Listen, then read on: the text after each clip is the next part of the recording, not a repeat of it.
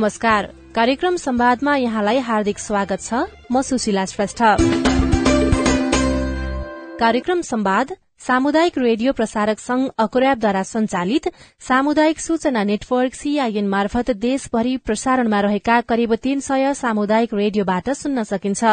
कार्यक्रम संवाद डब्लूडब्लूडब्लू डट सीआईएन खबर डट कममा इन्टरनेट मार्फत चाहेको बेला विश्वभरि सुन्न सकिन्छ भने मोबाइल एप सीआईएन डाउनलोड गरेर पनि सुन्न सकिन्छ। वर्ल्ड भिजन इन्टरनेशनल नेपालसँगको सहकार्यमा तयार पारिएको यो कार्यक्रम बाल विवाह लगायतका हानिकारक परम्परागत अभ्यासहरूको अन्त्यका लागि भइरहेका प्रयासमा केन्द्रित रहनेछ। आजको कार्यक्रम संवादमा हामी नेपालमा बाल विवाह अन्त्यका लागि मानव अधिकार सम्बन्धी संवैधानिक आयोगका अध्यक्ष तथा सरोकारवालाहरूसँगको प्रतिबद्धताका विषयमा केन्द्रित रहेको छलफलको बाँकी अंश प्रस्तुत गर्दैछौं। गत हप्ता कार्यक्रम संवादमा हामीले काठमाण्डुमा आयोजित नेपालमा बाल विवाह अन्त्यका लागि मानव अधिकार सम्बन्धी संवैधानिक आयोग र संघ संस्था बीचको गोलमेज छलफल प्रस्तुत गरेका थियौं। सामुदायिक रेडियो प्रसारक संघ अकोर्याब र वर्ल्ड भिजन इन्टरनेशनल नेपालको आयोजनामा सम्पन्न बाल विवाह अन्त्यका लागि सरोकारवाला तथा संवैधानिक आयोगहरू बीचको गोलमेज संवाद कार्यक्रमको अन्त्यमा आयोगका अध्यक्षहरूले सात बुधे प्रतिबद्धता पत्रमा हस्ताक्षर समेत गरेका छन्। आजको छलफलमा हामीले गोलमेज छलफलको बाँकी अंश प्रस्तुत गर्दैछौ। छलफललाई सहजीकरण गर्दै हुनुहुन्छ राष्ट्रिय बाल अधिकार परिषदका पूर्व कार्यकारी निर्देशक मिलन राज धरेल। म अन्तर्धार्मिक सञ्जालका अध्यक्षज्यूलाई यो बाल विवाहको विषय कुसंस्कार कुरीतिसँग पनि जोडियो भनेर धेरै साथीहरूले उठान गर्नुभएको छ र अधिकांश समय चाहिँ बाल विवाहको प्रश्न आउने बित्तिकै धर्मगुरूहरूमाथि प्रश्न उठाइहाल्छन् होइन? यो साँच्चै हाम्रो धर्मले बाल विवाहलाई छुट दिएछ कि छैन? अनि हामी धार्मिक अगुवाहरूले हाम्रा स्थानीय तहमा रहेका धर्मगुरूहरू सांस्कृतिक अभियन्ताहरूलाई यो विषयमा कतिको परिचालन गर्न सकेका छौं वा कहाँनिर अप्ठ्यारो परेको छ? म अन्तर्धार्मिक सञ्जालका अध्यक्षज्यूलाई यसमा थोरै प्रकाश पारिदिनु अनुरोध गर्छु। अन्तर्धार्मिक राष्ट्रिय सञ्जाल हुन त यसको नाम महिला हिंसा विरूद्ध अन्तर्धार्मिक राष्ट्रिय सञ्जाल थियो र सुरुमा यो स्थापना भएको पनि महिला हिंसा विरूद्धकै अभियानमा लागेर शुरू भएको संस्था हो र बिस्तार बिस्तारै यसले अब महिला हिंसा मात्र नभइकन बाल विवाह र परम्परागत हानिकारक अभ्यास विरूद्धको जुन अभियानमा पनि अहिले संलग्न भएका छौं र अब बिस्तार बिस्तारै हामीले लाइभलीहुडका केही कार्यक्रमहरू पनि धार्मिक गुरूहरू मार्फत हामीले गर्दै आइरहेका छौं। साँच्चै भन्नुपर्दा यो अहिले बाल विवाहलाई मात्र म कुरा गर्छु। बाल विवाह भन्ने बित्तिकै उहाँले पनि भनिसक्नुभयो कहीँ न कहीँ धर्मसँग जोडिएका छन्। र धर्मसँग जोडिएको भएर यो बाल विवाह भन्ने बित्तिकै धार्मिक गुरूहरू पनि अछुतो चाहिँ छैन। चोख चोखिने अवस्था चाहिँ छैन। किन भन्दाखेरि कहिले यो मिन्सुरेसन हुनुभन्दा अगाडि विवाह गर्नुपर्छ भन्ने किसिमको मानसिकता पनि छ र काजक्रिया गर्नको लागि छोरा नै चाहिन्छ भन्ने किसिमको मानसिकता पनि छ। धर्मले हामीलाई त्यसरी सिकाएका छन् भन्ने कुराहरू पनि छन् धार्मिक ग्रन्थहरूमा। र यसलाई अब हामी धार्मिक गुरूहरू यो विशेष गरी बाल विवाहमा बाल विवाह अन्त्यको लागि हामीले यो विषयमा विगत लामो समयदेखि हामीले पनि हाम्रै धर्म ग्रन्थहरूलाई अध्ययन गरे। साँच्चै हो कि क्या हो? यो धर्म ग्रन्थमा छ कि क्या हो भन्ने किसिमले अध्ययन गरे र वेद ग्रन्थ अध्ययन गरे त्रिपिटक कुरान बाइबल मुन्डुम आदि ग्रन्थहरू अध्ययन गर्ने सिलसिलामा चाहिँ हामीले साँच्चैकै धर्म ग्रन्थहरूको मूल ग्रन्थहरूलाई हामीले टेक्ने हो भने त्यहाँनिर यो बाल विवाहको बारेमा उल्लेख गरिएको पाइँदैन। विशेष गरी चाहिँ यो पञ्चविंशति पर्यन्तम भन्ने पच्चिस वर्षभन्दा अगाडिसम्म त यो ब्रह्मचर्य पालन गर्नुपर्छ भन्ने हाम्रो यो हिन्दू ग्रन्थमा छ। त्यसपछि अब त्रिपिटकमा हेर्ने हो भने एउटा सक्षम भइसकेपछि मात्र विवाह गर्नुपर्छ भन्ने छ। त्यसपछि अब कुरान बाइबलमा हेर्ने हो भने पनि एउटा परिपक्व उमेर भइसकेपछि मात्र विवाह गर्नुपर्छ भनेर त्यसरी उल्लेख भएको चाहिँ हामीले पा र यो बाल विवाह कसरी आयो त भन्दाखेरि एउटा यसलाई चाहिँ हामीले एउटा परम्परागत हानिकारक अभ्यासको रूपमा हामीले लिए। यसलाई चाहिँ अब हामीले धर्म ग्रन्थको आधारमा मात्र नभइकन धर्मले सिकाएको मात्र नभइकन यो त चाहिँ हानिकारक अभ्यासको रूपमा चाहिँ विगत लामो हजारौं वर्षदेखि चलिआएको चाहिँ हामीले महसुस गरे। अब जस्तै अब उदाहरणको रूपमा हेर्ने हो भने अहिले भागे विवाह चाहिँ एकदमै चलिरहेछ। मोबाइलमा फेसबुकमा भेट हुने कुरा गर्ने त्यसपछि भागेर विवाह गर्ने। त्यसलाई फेरि अब धर्म ग्रन्थसँग कसरी जोडिने होइन? त्यस्तो कुराहरू नकारात्मक विकृतिहरू बिस्तार बिस्तारै यसलाई चाहिँ विकसित रूपमा आएको भन्ने हामीले चाहिँ मान्यता गरे। त्यही भएर यही यसैलाई नै आधार मानेर हामी धर्मगुरूहरू चाहिँ अहिले विभिन्न जिल्लाहरूमा विशेष गरी हामीले अठाइस जिल्लाहरूमा धार्मिक गुरु धार्मिक गुरूहरूलाई निरेनले चाहिँ धार्मिक गुरूहरूलाई नै सबैभन्दा पहिले चाहिँ चेतना जगाउने। किन भन्दाखेरि विवाह गर्नको लागि त धार्मिक गुरुहरू नभई हुँदैन। यदि धर्म धार्मिक गुरुहरूले नै ए यो बिस वर्षभन्दा अगाडि बिहे गर्नु हुँदैन। यसले चाहिँ बिहे गर्यो भने चाहिँ यसले चाहिँ नराम्रो असर पर्छ। यसले चाहिँ एउटा चाहिँ पाप हुन्छ। यसले चाहिँ अब सामाजिक आर्थिक र हरेक एउटा जीवनमा नै नकारात्मक असर पर्छ भनेर त्यो चिना हेर्न आउने क्रममै गुरुहरूले त्यसरी चाहिँ एउटा आउने व्यक्तिहरूलाई चाहिँ चेतना जगाइदियो भने चाहिँ त्यसले चाहिँ एकदम राम्रो सन्देश दिन्छ भन्ने हिसाबले हामीले धार्मिक गुरुहरूलाई नै त्यो बाल विवाह सम्बन्धी ट्रेनिङहरू गरे। अहिले हाम्रो अठाइसवटा जिल्लामा हामीले धार्मिक गुरुहरूको संगठन समूह हामीले अन्तर धार्मिक गुरुहरूको समूह हामीले बनाएका छौँ र उहाँहरूबाट ट्रेनिङहरू दिएका छौँ। म आफै पनि विभिन्न जिल्लाहरूमा गएर कतिपय धार्मिक गुरुहरूले आफ्नै धर्म ग्रन्थमा भएको कुरा पनि त्यो नबुझेको अवस्था पनि हामीले भेटे। किन भन्दाखेरि परम्परादेखि चलिआएको भएर त्यही अनुसार नै गर्दै आइरहेको कुरा र हामीले जब ट्रेनिङ दिए दिइसकेपछि ए यो त यस्तो पो रहेछ अब हामी चाहिँ हाम्रो आफ्नो ठाउँमा गएर हामी अब बिस वर्षभन्दा अगाडि बिहे गर्नु हुँदैन भनेर हामी भन्छौँ भनेर प्रतिबद्धता पनि जनाउनु भएको थियो।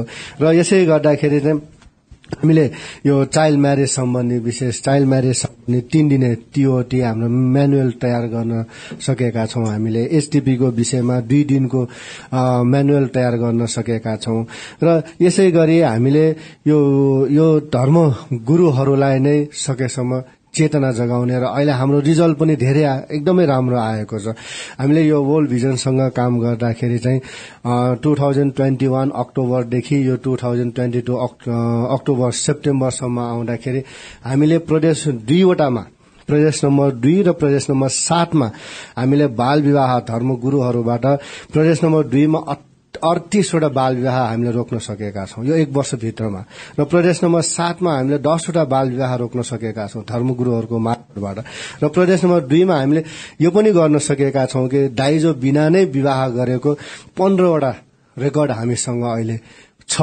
हामीले त्यो डाटाहरू कलेक्सन गरेका छौं र केही महिना अगाडि हामी वर्ल्ड भिजनसँग फिल्ड भिजिटमा जाँदाखेरि फिल्ड भिजिटको मोनिटरिङमा जाँदाखेरि धर्म गुरूहरूले नै त्यो बाल विवाह गरेका पेरेन्ट्सहरूलाई बाल बालिकाहरूलाई सँग प्रत्यक्ष रूपमा हामीले इन्टरेक्सन गर्ने मौका पनि पाएका थियौँ। उहाँहरू एकदम खुसी हुनुहुन्थ्यो। ए यो धर्म गुरूहरूले नै यसरी चाहिँ हामीलाई सिकाउनु भयो। त्यही भएर चाहिँ हामीले बाल विवाह गरेनौँ हामीले बाल विवाह रोक्यौं। हामीले गर्न कतिपय यति पनि घटना थियो कि गर्न लागेको सबै टुङ्गो भइसकेको र गुरूहरूले गएर रोकेको अवस्था पनि छ। भन्दाखेरि यो धर्मगुरूहरूको चाहिँ समाजमा धेरै महत्व धेरै चाहिँ अहम भूमिका हुन्छ र जहाँसम्म नीतिका कुराहरू छन् अब यहाँ सबैजना नीतिगतमा चाहिँ पोख्त विद्वानहरू हुनुहुन्छ तर विडम्बना के छ भन्दाखेरि धर्मगुरूहरू अहिलेसम्म नीतिगत काममा चाहिँ अगाडि आउन सकेको अवस्था छैन। हामीले नीति बनाउन सकिरहेका छैनौँ। नीति बनाउने ठाउँमा धर्मगुरूहरू पुग्न सकेको अवस्था छैन। हामी बेस कम्युनिटीमा हामी काम गरिरहेका छौँ र त्यो कम्युनिटीमा हामीले जुन स्तरबाट हामीले काम गरिरहेका छौँ त्यही अनुसार हाम्रो रिजल्ट पनि एकदमै सकारात्मक एकदमै राम्रो आइरहेको छ र आशा छ हामी हामी आफैले जुन वर्ल्ड भिजनसँग मिलेर हामीले यति गर्न सक्यौँ भने यहाँ संवैधानिक निकायका थुप्रै अङ्गहरू हुनुहुन्छ। सायद सम्भवतः हामी उहाँहरूसँग मिलेर काम गर्न सक्यौँ भने उहाँहरूले पनि धार्मिक गुरुहरूको महत्व र मर्मलाई बुझेर उहाँहरूको नीतिगत काममा पनि धार्मिक धार्मिक गुरुहरूलाई संलग्न गराउन सक्यो भने योभन्दा पनि एकदमै राम्रो एउटा चाहिँ अघि नै भन्नुभयो न्यूनीकरण होइन। अन्त गर्नको लागि पनि यो चाहिँ ठूलो भूमिका रहन्छ भन्ने लाग्छ। त्यही भएर आशा छ भविष्यमा हामी मिलेर काम गर्न सक्नेछौ र अहिले हाम्रो थुप्रै जिल्लाहरू अघि नै भने अठाइसवटा जिल्लाहरूमा त हाम्रो धार्मिक गुरुहरूको छ। कतिपय धार्मिक गुरुहरूले स्थानीय निकायको बजेट लिएर पनि काम गरिरहेको अवस्था छ। आशा छ हामी यसरी नै मिलेर काम गर्न सक्यौं भने यो बाल विवाह न्यूनीकरण होइन अन्त्य नै गर्न सक्छौ भन्ने लाग्छ हस् धन्यवाद। धन्यवाद। श्याम सर यतातिर आउँदै जाँदा एकदमै डाटामै तथ्याङ्कहरू हामीले यति उपलब्धि गर्यौं भन्नुभयो धार्मिक सञ्जालले राजस्वीले होइन? अनि अलि उतातिर जाँदाखेरि हामीले गर्न खोजेकै हौ तर के के पुगेन भन्ने कुरा अलि बढी सुनियो होइन? सीमितता भयो भने। तपाईँहरू विकास साझेदार वर्ल्ड भिजनले पनि अब गोल मेचदेखि लिएर होइन थुप्रै मेचमा सहयोग गर्नुभएको छ। यतै मात्र सहयोग हो कि उतातिर पनि सहयोग हुन्छ? अथवा कसरी काम गर्नुहुन्छ? अलिकति त्यो पनि भनिदिनु भयो भने र तपाईँहरूको कमिटमेन्ट के हो? धेरै धेरै धन्यवाद सरलाई। यो महत्वपूर्ण प्रश्नको लागि। सम्भवतः धेरै कुराहरू यहाँ आइसकेको छ अब त्यो विज्ञ महानुभावहरूबाट। अनि वर्ल्ड भिजनले के गर्छ भन्ने खालको कुरामा पनि अहिले हाम्रो नेटको अध्यक्षज्यूले धेरै कुराहरू प्रष्ट पारिसक्नु भएको छ। हामी निश्चय पनि काम गर्ने क्रममा चाहिँ एउटा मात्रै वेबाट काम गर्नु हुँदैन एउटा मात्रै समूहसँग काम गर्नु हुँदैन भन्ने कुरामा प्रष्ट छौँ। यो प्रष्टता हामीले यो हामीले काम गर्ने क्रममा चाहिँ यो संघीय ता भइसके पछाडि हामीले संघीय तहमा प्रादेशिक तहमा र स्थानीय तहमा तीनटै तहमा काम गरिरहेको छौं। र अघि मिलन सरले शुरूमा अलिकति कुरा गर्न खोजिराख्नु भएको अधिकारको हिसाबबाट चाहिँ कसरी हेरिन्छ भन्ने खालको कुराहरू गर्दै गर्दाखेरि हामीले वर्ल्ड भिजनले काम गर्ने चारवटा थिमाटिक एरियाहरू छ होइन। त्यसमा एउटा बाल संरक्षणको कुरा गर्छौं अर्को चाहिँ इन्क्लुसिभ र क्वालिटी एजुकेसनको कुरा गर्छौं अनि अर्को हेल्थ र यो रेजिलियन्ट लाइभलीहुड भनेर जीविकोपार्जन विशेष गरी परिवारसँग जोडिन्छ जीविकोपार्जनको विषय चाहिँ। तर पनि परिवारसँग जोड्दै गर्दा पनि त्यो परिवारले चाहिँ अल्टिमेटली बालबालिकालाई नै लाभ पुर्याउँछ भन्ने हिसाबबाट हेरिराख्दाखेरि इन्टायर यो प्रोग्रामलाई हामीले हेर्दाखेरि चाहिँ हामीले ओभरअल चाइल्ड वेलबिङको पर्सपेक्टिभबाट होइन बाल समृद्धिको हिसाबबाट हेर्छौँ र त्यो चाहिँ डाइरेक्टली कनेक्टेड टु बाल अधिकार। त्यो गर्दै गर्दाखेरि हामीले हामीले के पनि भनेको छौँ भनेदेखि यो सबै काम गर्नको लागि चाहिँ हामीले सरकारका जति पनि नीति नियम योजनाहरू छन् त्यसलाई चाहिँ सहयोग गर्नको लागि एउटा सारथी हौ भन्ने हिसाबबाट छौँ। त्यो हुँदाखेरि हामी सरकारको योजना र यो विभिन्न तहका सरकारहरूको योजनालाई सहयोग गर्ने हिसाबबाटै अगाडि बढिरहेको छौँ भन्ने हो। र विभिन्न चरणमा हामीले अब कामहरू गरिरहेको छौँ। अब अहिले हामीले काम गर्ने क्रममा महिला बाल बालिका ज्येष्ठ नागरिक मन्त्रालय हामी क्लोजली काम गर्छौं। त्यसै गरी अब संघीय मामिला सामान्य प्रशासन मन्त्रालयसँग त्यो बाहेकका अरू मन्त्रालयहरूसँग पनि काम गरिरहेको हुन्छ भने हाम्रो धेरै फोकस चाहिँ स्थानीय सरकारसँगै हुन्छ। स्थानीय सरकारसँगै हुँदै गर्दाखेरि चाहिँ हामीले बाल विवाहसँग जोडेर हेर्दाखेरि चाहिँ एउटा हामीले काम गर्ने एरियामा भाइ बहिनीहरूलाई लक्षित कार्यक्रमहरू सञ्चालन गर्दै हेर्दाखेरि भाइ बहिनीहरू इम्पावर हुनुपर्छ भन्ने हिसाबबाट हेर्छौँ होइन। त्यसमा अघि मैले भनेको जस्तो शिक्षा स्वास्थ्य बाल संरक्षणको कुराहरूलाई प्रधानता राखेर हेर्छौँ। अर्को हामीले गरिराखेको भनेको चाहिँ अलिकति इभिडेन्स जेनेरेसनको कामहरू पनि गरिराखेको छौँ। हामीले दुई वर्ष करिब दुई वर्ष अगाडि काठमाडौँ युनिभर्सिटीसँग मिलेर एउटा रिसर्च गरेको थियौँ। त्यो रिसर्च हामीले सेयर पनि गरिसकेको छौँ धेरैतिर। त्यो रिसर्चको मेजर हाइपोथेसिस चाहिँ यो बाल विवाहलाई प्रमोट गर्ने कुरामा इकोनोमिक फ्याक्टर्सहरूको रोल के हुन्छ भन्ने खालको कुराहरू थियो। र फाइन्डिङ्सहरूलाई हेर्दै गर्दाखेरि चाहिँ इकोनोमिक फ्याक्टर चाहिँ हो त्यो डेफिनेटली नै हो तर त्यो सँगसँगै अरू धेरै कुराहरू पनि जोडेर आउँछन्। भाइ बहिनीहरूको शिक्षाको कुरा त्यसमा जोडिने रहेछ परिवारको उहाँहरूको परिवारले कस्तो रोल खेल्छ भन्ने खालको कुराहरू जोडिने रहेछ भन्ने खालको कुराहरू थियो। त्यो रिसर्चको फाइन्डिङ्स भने अहिले रिसेन्टली चाहिँ हामी मिलन सर त्यहाँ को नेतृत्व गरिराखेकै समयमा हामीले एउटा यो लिसनिङ टु ब्राइट्स भन्ने रिसर्चको लागि चाहिँ अप्रुभल लिएर काम गरिरहेका छौँ अ, सरको सरसँग पनि केही साथीहरूले कुराकानीहरू गरिराख्नु भएको होला। अनि हामीले त्यो गरिराखेको चाहिँ अहिले त्यसको फोकस भनेको चाहिँ यो विवाह भइसकेको महिला अर्थात् भाइ बहिनीहरूलाई सुन्ने हो। त्यो त्यो उहाँहरूले के कारणले गर्दा गर्नुभयो भन्ने खालको कुराहरू विशेष गरी यो ड्राइभ बाल विवाहको चाहिँ ड्राइभिङ फ्याक्टर्सहरू के हुने रहेछन् भन्ने कुराहरूलाई खोजी गर्ने भन्ने खालको कुरा छ। सम्भवतः अब हामी सेप्टेम्बरभित्रमै नेपालको यो क्रस कन्ट्री रिसर्च हो अरू देशमा नै हुँदैछ यही विषयमा लिएर तर नेपालको फाइन्डिङ्स चाहिँ हामी लगभग सेप्टेम्बर अन्त्यसम्ममा लिएर आउन सक्छौँ कि भन्ने हिसाबमा काम भइरहेको छ। अर्को चाहिँ हामीले गरिराख्ने भनेको पोलिसी एडभोकेसी होइन। अब धेरै कुराहरू चाहिँ अघि राज सरलाई नै जोड्नुपर्छ जस्तो लाग्यो मलाई। हामीले काम गर्ने क्रममा एकदमै धेरै फेस गरिराखेको भनेको चाहिँ अलिकति सिस्टमेटिक सिस्टमिक एप्रोचमा हामी गएनौँ कि जस्तो लाग्छ होइन। यो सिस्टमिक एप्रोच भन्दै गर्दाखेरि चाहिँ हामीले हामी अघि नीतिकै ग्या- ग्याप छ।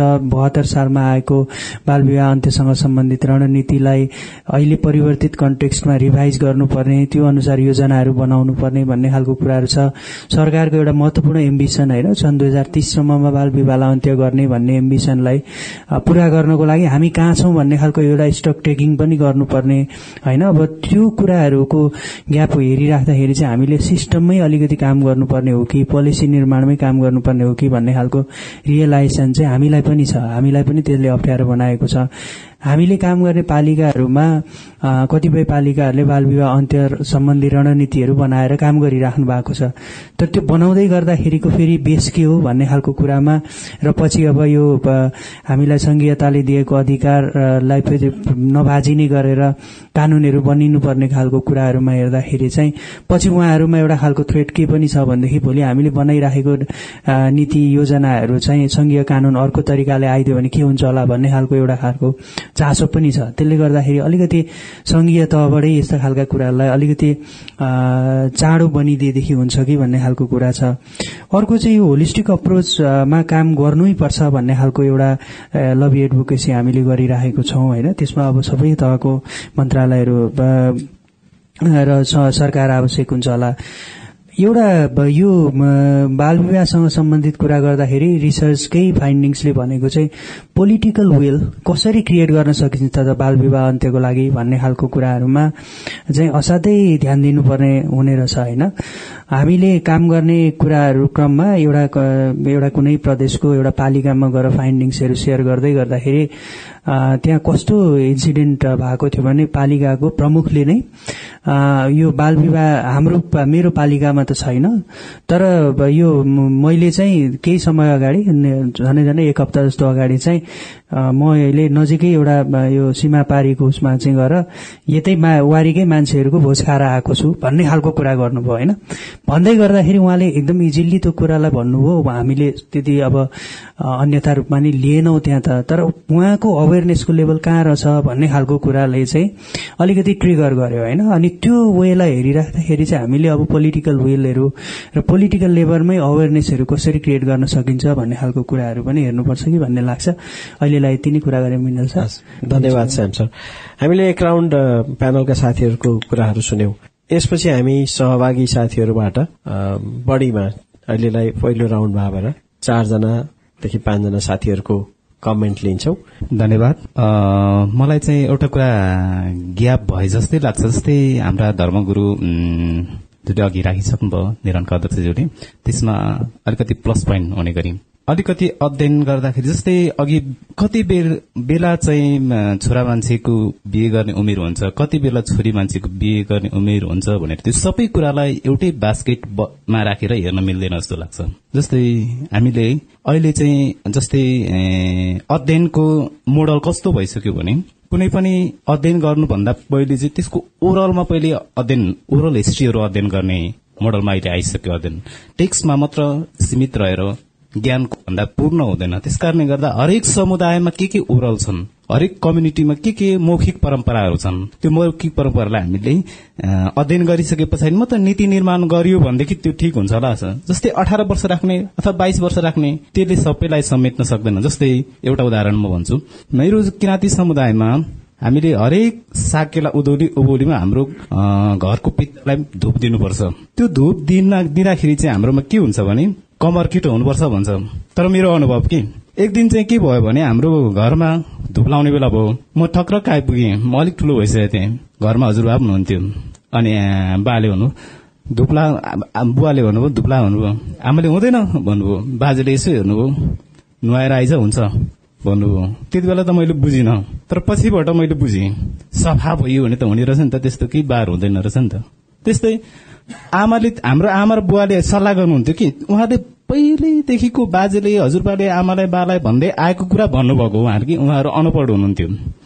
दाईको बिहे गर्ने बेला भयो भन्- भन्नुभयो आमाले बाले भन्नुभयो कि आपाले भन्नुभयो। होइन? ए बिहे गर्ने बेला भएको छैन यसको भन्नुभयो। उहाँले उमेरसँग नाच्नु भएन। यसले जोत्नु जानेको छैन। यसले नारा डोको बुन्न जानेको छैन। यसले गोरुलाई धाउन जानेको छैन बिहे गर्ने बेला भएको छैन भन्नुहुन्थ्यो कि। त्यस्तै आमाले पनि दिदीको बिहेको बारेमा कुरा गर्दा कि यसले लुगा बुन्न जानेको छैन यसले धागो बुन्न जानेको छैन यसले बाट्न जानेको छैन भनेर हेर्थ्यो। त्यस्तै यस्तो ओरल त बिहे गर्ने उमेरको मापन गर्ने कुरा त हरेक समुदायसँग आफ्नो आफ्नो प्रथा जन्य कुराहरूमा हुन्छ होला नि। त्यो कुराको अध्ययन गरिसके पछाडि एउटै बास्केटमा नराखी समुदाय अनुसारको एज अनुसार पनि त्यो नीति निर्माण गर्नुपर्छ होला। हस् धन्यवाद। लाग्छ, सर। धन्यवाद। हस् अ, नाइदा म्याडमले हात उठाउनु भएको थियो म नाइदा म्याडम। मेरो चाहिँ एउटा सानो जिज्ञासा विशेष गरेर चाहिँ बाल विवाह र हानिकारक अभ्यासहरू चाहिँ मुस्लिम समुदाय र दलित समुदायमा बढ़ी भएको देखिन्छ होइन? र ती समुदायहरू नै बढ़ी मात्रामा चाहिँ अवसरबाट वञ्चित पारिएका र पारिएका छन्। एकदम आइसोलेट भएर बस्ने अ, एउटा समुदाय हो। र अहिले हामी दुई नम्बर प्रदेशमा भर्खरै हाम्रो अध्यक्षज्यूले डाटा निकाल्दाखेरि पनि सबभन्दा बढ़ी दाइजो प्रथाबाट र बाल विवाहबाट ग्रसित चाहिँ ती समुदाय नै रह्यो। अनि ती समुदायका यो आयोगलाई चाहिँ मैले एउटा सानो जिज्ञासा राखेँ। हजुरहरूले जति पनि यो हानिकारक अभ्यासहरू छन् हानिकारक अभ्यासहरूमा पनि ती पिछडिएका दलित मुस्लिम मुसर भनौँ न त्यस्ता पछि पिछडिएका समुदायहरू पनि एकदमै गाजिएर बसेको छ। अब चाहिँ आयोगले विशेष अब मुस्लिम आयोग हुनु न यहाँ दलित आयोगको सचिव हुनुहुन्छ। अब चाहिँ आयोगले कसरी त्यस्ता हानिकारक अभ्यासलाई न्यूनीकरण गर्न चाहिँ हजुरहरूको आगामी दिनहरूमा चाहिँ कस्ता किसिमका पहलहरू हुनेछन् जसको चाहिँ जडो हेर्यो भने चाहिँ धर्म र संस्कारहरू हुन्छन् होइन? जसले गर्दाखेरि चाहिँ ती बाली विशेष गरेर महिला र बालिकाहरू चाहिँ धेरै अवसरबाट वञ्चित छ धेरै दयनीय अवस्था छ। शिक्षाकै कुरा गर्ने हो भने शिक्षा त क्वालिटी एजुकेसनको कुरै एकदमै टाढाको कुरा शिक्षाबाट नै वञ्चित छन्। त्यस कारण हजुरहरूको चाहिँ यो आयोगले चाहिँ यसरी जति पनि परम्परा संस्कार संस्कृतिसँग जोडेको त्यो विकृतिलाई जबसम्म हामी उखेल्ने प्रयास गर्दैनौं तबसम्म चाहिँ ती समाजहरू अझ पनि पिछडिने अझ दयनीय अझ पनि भनौँ न अबको दस वर्षको पछि हेऱ्यो भने त अझ विकराल रूप हुन सक्छ। अबको हजुरहरूको रणनीति के हुन सक्छ भनेर चाहिँ मैले दलित आयोगलाई सानो जिज्ञासा राखेँ। हस् धन्यवाद। आयोगको म्याडम हुनुहुन्छ। उपस्थित सम्पूर्णमा मेरो नमस्कार। मेरो चाहिँ यहाँहरूमा एउटा सानो जिज्ञासा मात्रै जस्तो अघि ओल्ड भिजन इन्टरनेसनलको सरले भन्नुभयो हामीले चाइल्ड म्यारेजमा चाहिँ रिसर्च गरिरहेछौँ अब यो रिपोर्ट चाहिँ छिटो नै हामीले पब्लिस गर्दैछौँ भनेर भन्दै हुन्थ्यो सरले। अब यही क्रममा आज यो छलफलकै क्रममा चाहिँ त्यो रिसर्चबाट फाइन्डिङ्सहरूलाई पनि लिएर आउनु पाएको भए अझ बेस्ट हुन्थ्यो जस्तो लाग्छ मलाई। किनभने अझ अगाडि हामी बढ्थ्यौं नि त जस्तो लाग्छ। अब सरसर्ती हेर्ने हो भने हाम्रो कानूनहरू टेबल कसरी हुन्छ त भन्दा ल अठारले भएन अब बीस गरौं बीस भएन अठारले गरौं। के आधारमा गरिरहेछौँ त अहिलेसम्म हामीले? हिजोको दिनमा तपाईँको सहमतिमा अठार होइन? उनीहरूको आफ्नोमा बीस भन्यो। त्यो पनि फेलर भयो. अब अहिलेको कन्टेस्टमा आइन होइन बराबर गर्नुपर्छ। अब त बीस वर्ष नै कायम गर्यौं भन्यो। बीस वर्ष कायम गर्यौं अब अघि भर्खरै अब रामकृष्ण सरले भन्नुभयो भएका विवाहहरू मध्ये तीन भागको एक विवाह एक भाग चाहिँ बाल विवाह भइरहेछ अहिलेको कन्टेस्टमा हेर्दा भन्ने भन्दै हुनुहुन्छ भने चाहिँ यो अवस्था त विकराल छ। भने हामीले चाहिँ जबसम्म रिसर्च बेसमा गएर यो चाहिँ कायम गर्दैनौ। चाहे हदम्याद कायम गर्दा होस् या उमेरै कायम गर्दा विवाह गर्ने उमेरै कायम गर्दा होस् हामीले चाहिँ डेप्थ रूपमा रिसर्च गरेर गर्यौं भने कस्तो खालको फ्याक्टरहरूले त्यसलाई असर गराएको छ त भनेर त्यसलाई न्यूनीकरण गर्न पनि सजिलो हुन्छ आगामी दिनमा। र जुन हामीले विवाहको उमेर कायम गर्छौं त्यो कायम गरेकोले पनि केही दीर्घकालीन हुन्छ र आगामी दिनमा चाहिँ बाल विवाहलाई न्यूनीकरण गर्न सकिन्छ जस्तो लाग्छ मलाई। यसमा चाहिँ अब सबैको सहकार्य र सहयोग हुन आवश्यक छ जस्तो लाग्छ। थ्याङ्क यू म्याडम लोचनजीले हात उठाउनु भएको थियो। परिषद राष्ट्रिय बाल अधिकार परिषदमा हुनुहुन्छ लोचन रेग्मीजी। सबैलाई नमस्कार।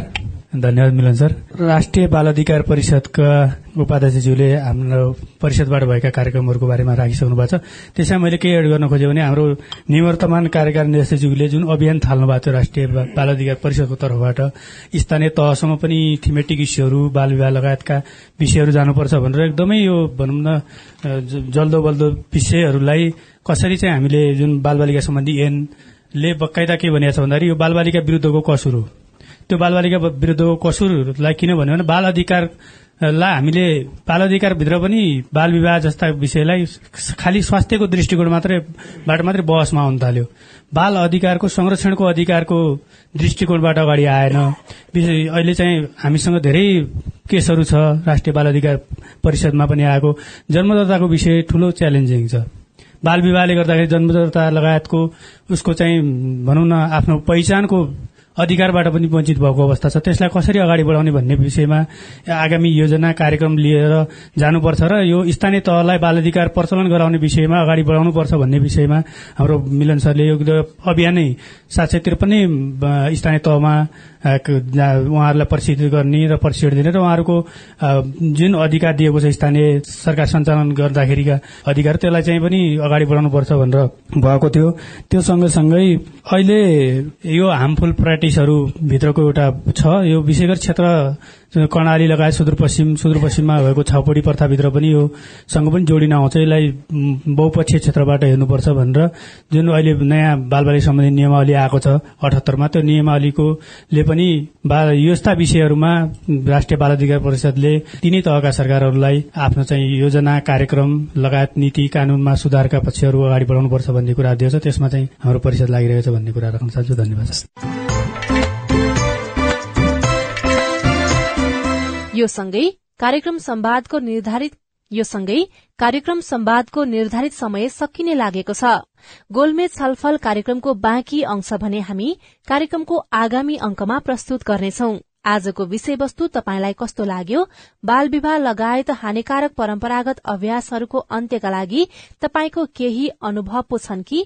हाम्रो टेलिफोन नम्बर शून्य एक बाहन्न साठी छ चार छमा फोन गरेर दिइएको निर्देशन अनुसार तपाई आफ्नो अनुभव तथा सल्लाह सुझाव जिज्ञासा एवं प्रतिक्रिया रेकर्ड गराउन सक्नुहुन्छ। साथै तपाईँले हामीलाई हाम्रो Facebook page community information network सीआईएनमा गएर पनि आफ्ना कुरा लेख्न सक्नुहुनेछ। हामी तपाईँको प्रतिक्रिया पर्खिरहनेछौ। वर्ल्ड भिजन इन्टरनेशनल नेपालसँगको सहकार्यमा सीआईएनले तयार पारेको कार्यक्रम संवादबाट प्राविधिक साथी सुरेन्द्र सिंहसँगै म सुशीला श्रेष्ठ पनि विदा हुन्छु। नमस्कार।